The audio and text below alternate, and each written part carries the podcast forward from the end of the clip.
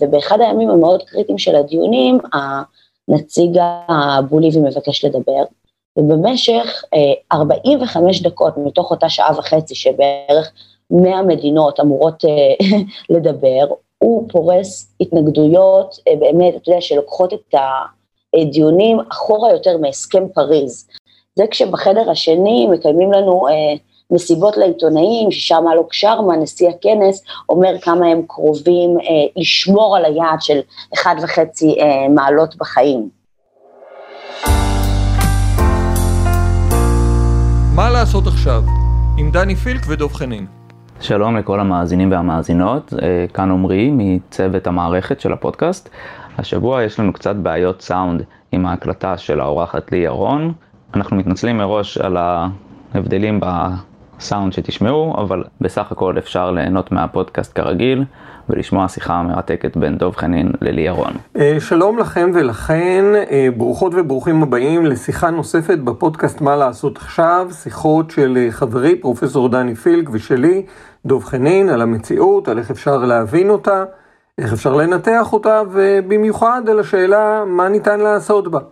אנחנו אה, מדי פעם מארחים אצלנו אורחים ואורחות מעניינים ומעניינות, והפעם יש לנו אורחת מעניינת במיוחד. כתבת האקלים והסביבה הנמרצת והמוכשרת של הארץ, לי ירון, חזרה אה, זה עתה מוועידת האקלים המסקרנת בגלסגו. ואנחנו שמחים לארח אותה כאן לשיחה. אז אה, שלום דני ושלום לי. שלום דוב, תודה רבה. אה, לי, אני רוצה להתחיל איתך באיזשהו ניסיון לתאר למאזינים שלנו איך בכלל נראית ועידה כזאת. מה זה, מגיעים לשם, מה, איך, איך, איך הסיטואציה? את נוחתת ב, או מגיעה לגלסגו, ומה בעצם את רואה? איך זה נראה הדבר הזה? ועידה בינלאומית בסדר גודל כזה.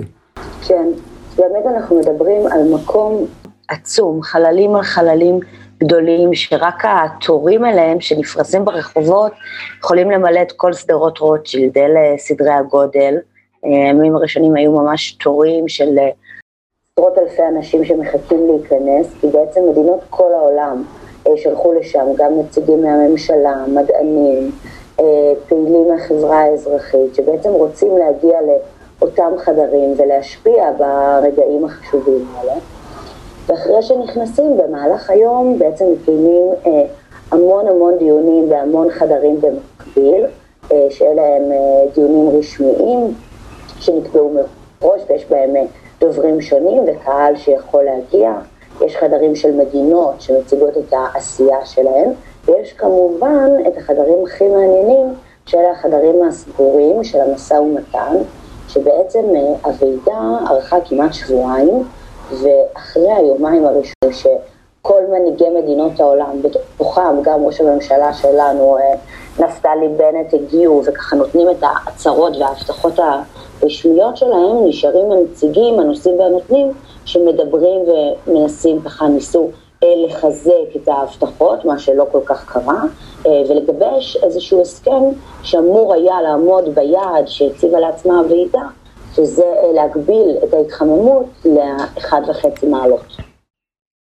אז בואי רגע נתעכב על, על אותם דיונים שמתנהלים. אחד הדיונים הוא מין דיון מליאה כזה, שבו אנחנו אה, פוגשים את האנשים אה, אה, נואמים את הנאומים הרשמיים שלהם, כן, זה המקום שבו גם ראש ממשלת ישראל בנט נאם. זה ציר אחד, כן? זה ציר שהוא בסך הכל גלוי לציבור ואנחנו יכולים אפילו לעקוב אחריו באינטרנט ולראות את מנהיגי העולם עולים אחד אחרי השני ונואמים את נאומיהם. ואת אה, מספרת לנו, וכתבת על זה באחת הכתבות באמת היותר מרתקות שהתפרסמו בהארץ, אה, אפרופו הוועידה הזו, על אה, חדרים אחרים, שאליהם בעצם הכניסה איננה מותרת לכולם, לא, הדיונים בהם לא מועברים בשידור ישיר באינטרנט לשום מקום. ומה בעצם את רואה כשאת מגיעה לחדר כזה? מה, מה הדינמיקה שם ומה הקשר בין מה שקורה בחדר הסגור הזה לבין מה שקורה בחדרים החיצוניים והגלויים לציבור? נכון, דוב, אתה צודק, אלא באמת החדרים הכי מעניינים והפער בין uh, גודל המשימה להצהרות של המנהיגים למה שקורה בחדרים הוא באמת הדבר המזעזע. ואנחנו מדברים על שני חדרים עיקריים, F5 ו-F7, חדרים מלבניים, לבנים, פלורסנטיים, הכי משעממים שאתה יכול להעלות על הדעת, uh, שאליהם תחת uh, אבטחה ושומרים נכנסים בעצם שני נציגים מכל מדינה. ושם אה, סביב שולחן מאוד מאוד ארוך, יושבים הנציגים האלה ועוברים על ההערות של הטיוטה, כלומר הטיוטה העדכנית ניצבת לפניהם, והם עוברים סעיף סעיף, וכל מדינה אומרת את ההערות ואת ההתנגדויות שנותרו לה, וככה בעצם הם מנסים לגבש את ההסכם, כי חלק מהקושי בדיונים האלה זה בעצם שכולם אה, צריכים להגיע לאיזושהי הסכמה.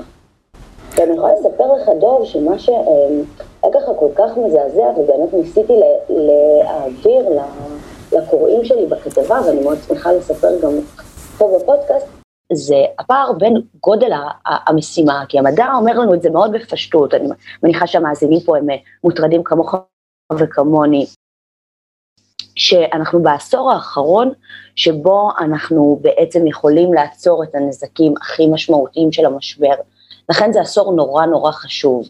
ולא שהציפייה מהפוליטיקאים אה, היא כל כך גדולה, כלומר כולנו כבר אה, מאוכזבים ומפוקחים, ובכל זאת שיושבות בחדר מדינות כמו אה, בנגלדש, מדינות שאתה יודע, נפגעות ממשבר האקלים עכשיו, ובסוף השיחה שם היא הייתה נורא נורא מנומסת ועצורה ועייפה, אבל היא בסוף על החיים של כל אחד מהיושבים בחדר, והילדים שלו והנכדים שלו ואלה שלא נולדו. אמ, והשיחה שהם קיימו הייתה שיחה ממש ממש אה, רדומה, ולא היה שם אה, אפילו לא אה, שביב של אמוציות או של כעס, גם של המדינות הכי נפגעות, או אף אחד לא קם בשום רגע ואמר לסינים למשל, נציג הסיני, ביקש את רשות הדיבור ואמר, אנחנו מבקשים להוריד את המילה שהמדינות אה, מתכוונות, intend, להמשיך עד 2025 לבצע פעולות משמעותיות להפחתת הפליטות, כלומר, אני רק רוצה לשנות מילה אחת ברשותכם, אני רוצה לשנות את זה למילה אחרת שמשמעותה לחזור ולאשר. שאתה יודע, זה רק הבדל במילה קטנה עם כל כך הרבה תוכן, וכולם שותקים ואומרים לנציג הסיני, תודה רבה לך, ועוברים לנציג הבא. וככה זה מתנהל, וככה הם מקבלים את ההחלטות אה, ש, שממש אה, מכריעות את החיים שלנו.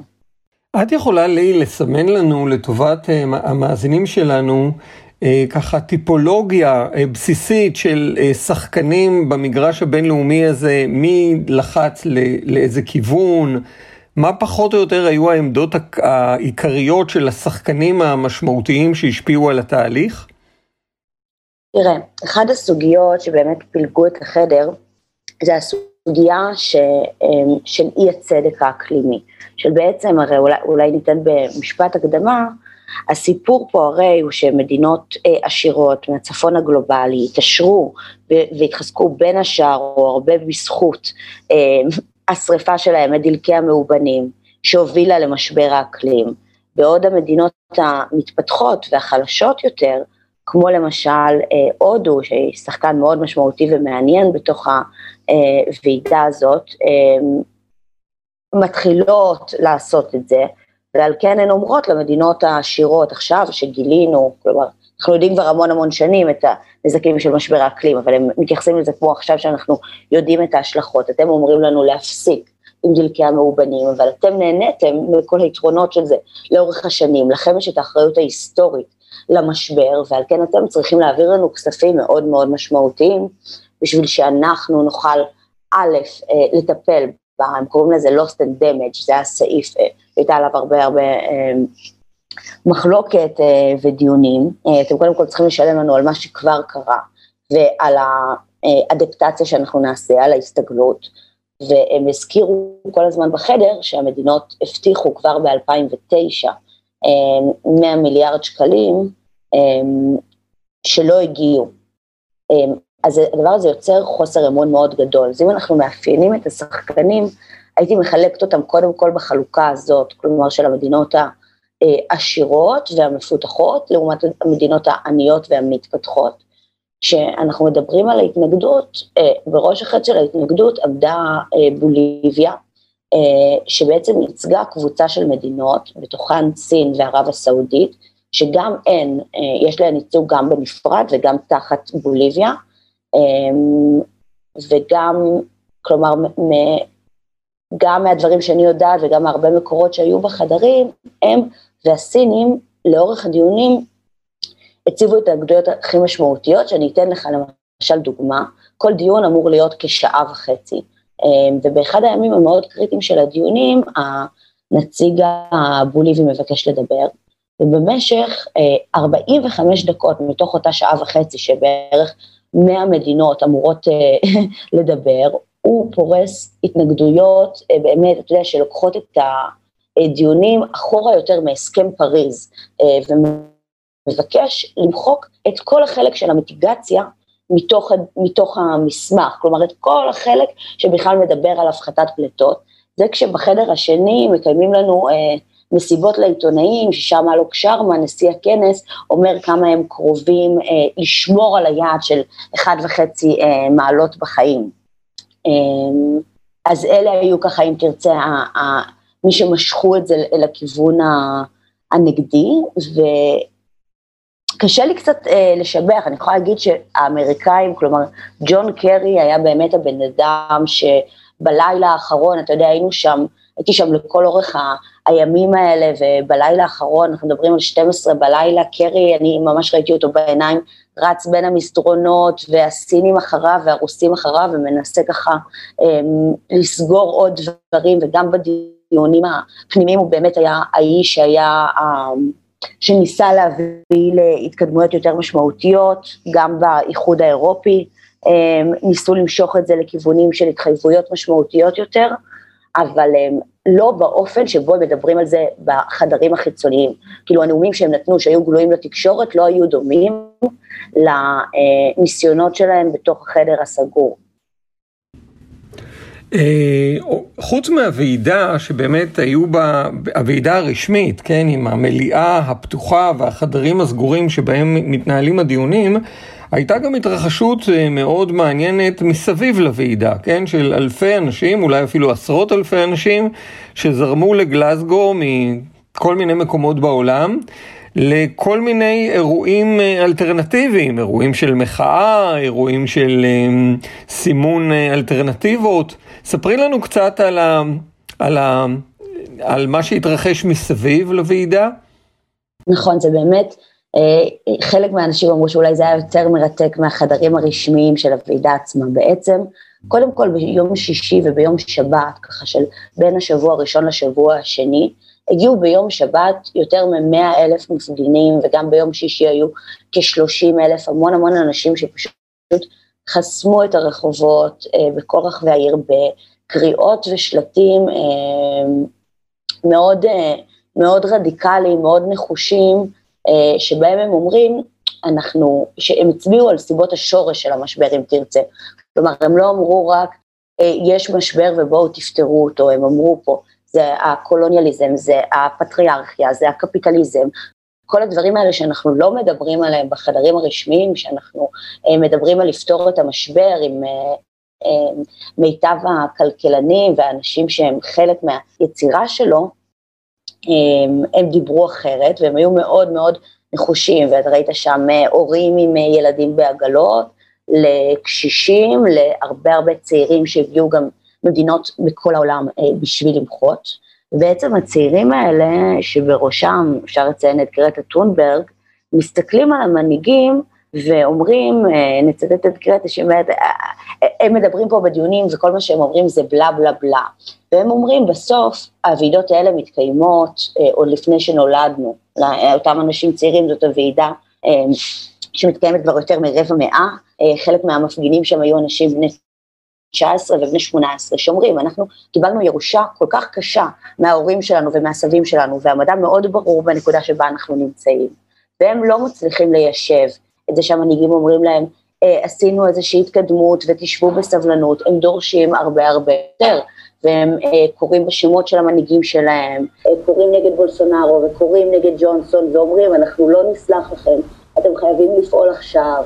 אה, ילדות אה, בגן שמציירות ציורים של המנהיגים שלהם עם איקס, כאילו הדברים הם דברים שאני לא ראיתי גם בהפגנות הנחושות והצבעוניות בבלפור, לא, לא ראיתי כזאת אה, נחישות, שזה היה באמת מרתק. ואחרי היומיים האלה של ההפגנות, הם בעצם אה, הקימו ועידה אלטרנטיבית, שהתרחשה בכל מיני אה, חללים אלטרנטיביים שם בגלאזגו, ובעצם היו שם אה, 200 דיונים בארבעה ימים, שבהם ממש דיברו לעומק על הדברים האלה שעכשיו הזכרתי, כלומר אני שתפתי שם באיזושהי אה, סדנה מעשית ממש, הם אה, מכשירים אקטיביסטים מכל העולם ומדברים איתם על מה הסיבות ומה כל אחד עושה בקהילה שלו, ודיונים על הקשר בין אה, משבר האקלים ומגדר, כולנו יודעים שנשים נפגעות יותר ממשבר האקלים ותורמות לא פחות.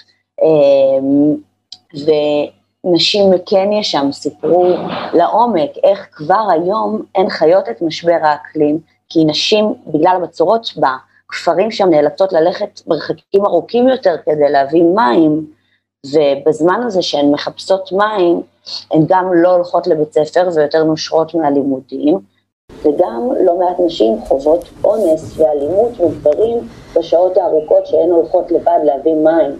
זה מה שאתה יודע, ממחיש לנו כל כך במקומות שאנחנו אולי עדיין לא רואים, פה בישראל, איך משבר האקלים אה, פוגש אותנו ביום-יום, שם הם כבר מרגישים את זה בחיים שלהם.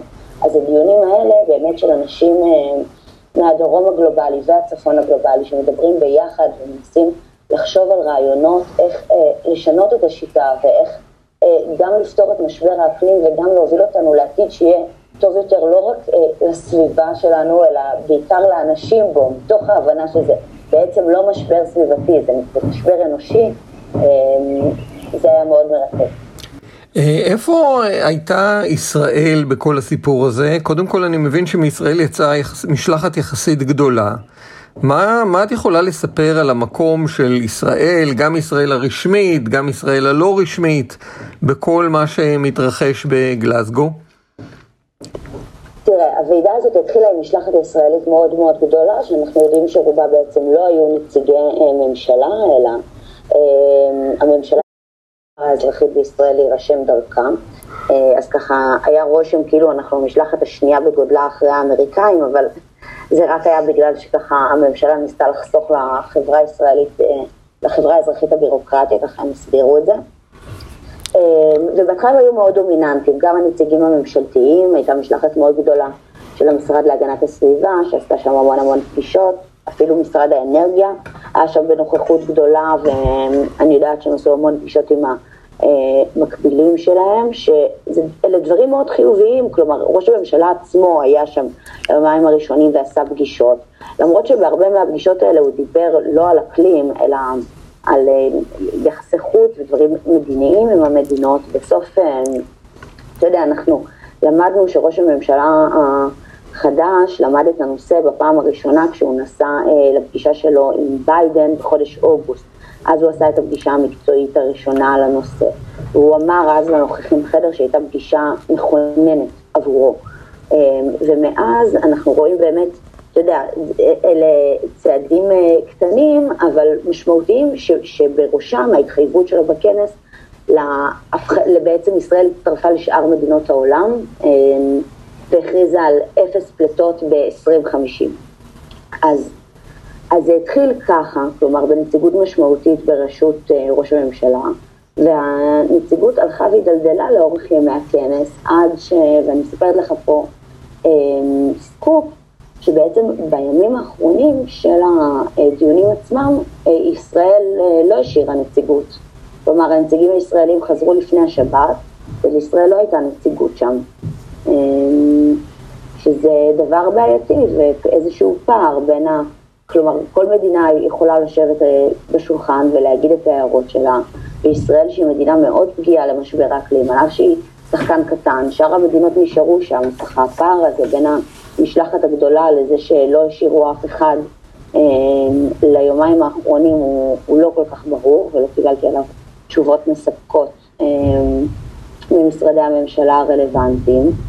ואני חושבת, דוב, שהמבחן הגדול בסוף, כמו של כל מנהיגי העולם, גם בישראל, הוא בין ההצהרות למעשים. כלומר, אה, קיבלנו הצהרות שמביאות אותנו להתקדמות טובה בישראל, ועכשיו השאלה, אה, איך, איך ראש הממשלה נפתלי בנט ושרת אנרגיה קארין אלהרר ותמר זנדברג יישמו אותם. אני עוד לא ראיתי תוכנית יישום לתוכנית הזאת של נט זירו, היא כרגע באוויר, והיעדים אה, של ישראל לעשור הקרוב, שהוא העשור הקריטי, הם עדיין מאוד מאכזבים. עכשיו, זה כיוון אה, מעניין ואולי נכון, הכיוון שראש הממשלה אה, מכוון אליו של אה, לרתום את תעשיית ההייטק לנושא, כלומר אם אה, תעשיית ההייטק הישראלית תוכל לעזור מצוין, אבל לצערנו למדנו שהמשבר הזה הוא גם חלק אה, מהתקווה שהטכנולוגיה תמיד תציל אותנו, ואנחנו צריכים לעשות צעדים נחושים אתמול ולא לחכות לאיזה אה, טכנולוגיה שלא קיימת היום. אז במובנים האלה של התוכניות הקשות שצריכות להיעשות, היום שאחרי גלסגו, עכשיו זה המבחן לממשלה הישראלית. אה, אכן, אני חושב שאנחנו פה מגיעים לנקודה אה, מאוד משמעותית וחשובה, ובאמת אה, מה שסיפרת לנו לי זה די מדהים שבמאני טיים, כן, הזמן שבו מסכמים את הוועידה וחותרים לסיכום המשותף הזה, כן, מה שנקרא הצהרת גלסגו, ישראל בעצם בוחרת להיות מחוץ לתמונה, שזה באמת סיפור מרתק, שבאמת מדגים ממש בדוגמה מאוד מאוד מוחשית. את הפער המאוד גדול בין ההצהרות החגיגיות לבין איזושהי, איזושהי חוסר מחויבות קונקרטית ואמיתית למה שצריך לעשות, לעשות בפועל. ופה זה באמת מוביל אותנו, אני חושב, לנקודה האחרונה והמשמעותית. אמ, את תיארת את המורכבות המאוד גדולה של אה, ועידת גלסגו, אני הייתי בוועידה שקרסה בקופנהגן, שאז לא הצליחו להגיע לשום סיכום. אחרי זה בפריז 2015 הוועידה מצליחה להגיע לסיכום לפחות על מטרה אקלימית, למנוע התחממות של מעבר לשתי מעלות, עם מאמץ גדול להישאר אה, מתחת למעלה וחצי התחממות בממוצע. הפעם אה, בגלסגו נעשה מבחינת ההצהרה לפחות אה, צעד משמעותי קדימה, לא רק דיברו על מטרה אקלימית, אלא בפעם הראשונה מגדירים את הדרך להשיג את המטרה הזאת, לא עוד אה, כל מיני אה, תיאוריות science fiction של פתרונות טכנולוגיים שעוד לא הומצאו, אלא הגישה העקרונית שאומרת שאנחנו חייבים להפחית פליטות, 45% פליטות אנחנו צריכים להפחית עד שנת 2030. בפעם הראשונה שדבר כזה נמצא בהצהרה שמסכמת את אה, דיוני, דיוני ועידת אקלים. וזו באמת הצהרה מאוד מאוד דרמטית ומרחיקת לכת, כי מדובר באמת על השינוי החברתי-כלכלי הכי גדול שהאנושות אי פעם הציבה בפני עצמה. הבעיה הגדולה היא שבין היעד הזה של הצהרת גלסגו לבין המחויבויות הספציפיות שהמדינות לוקחות על עצמן, יש פער עצום. אם אנחנו מסתכלים על ההתחייבויות של המדינות לעשור הקרוב, הן מביאות אותנו לא להתחממות של מעלה וחצי, אלא להתחממות של 2.4 מעלות. והמנגנון שנקבע בגלסגו כדי לנסות לגשר על הפער העצום הזה, זה מנגנון שאומר שמעתה בעצם ועידות האקלים יתכנסו בכל שנה לשמוע איך המדינות משפרות את ההתחייבויות שלהם ואנחנו מתקרבים באמת אל היעד הבינלאומי המוסכם הזה של 45% הפחתת פליטות עד שנת 2030. ופה הבעיה הגדולה עם ישראל, כי מצד אחד ראש הממשלה בנט אומר, עד שנת 2050 אנחנו נגיע לנט זירו אמישן, זאת אומרת, נאפס נטו את הפליטות שלנו. אבל אם אנחנו מסתכלים על המדיניות של ישראל לעשור הקרוב עד שנת 2030, ההתחייבות של ישראל להפחית פליטות עד 2030 היא עלובה, היא מביישת, 27% בלבד.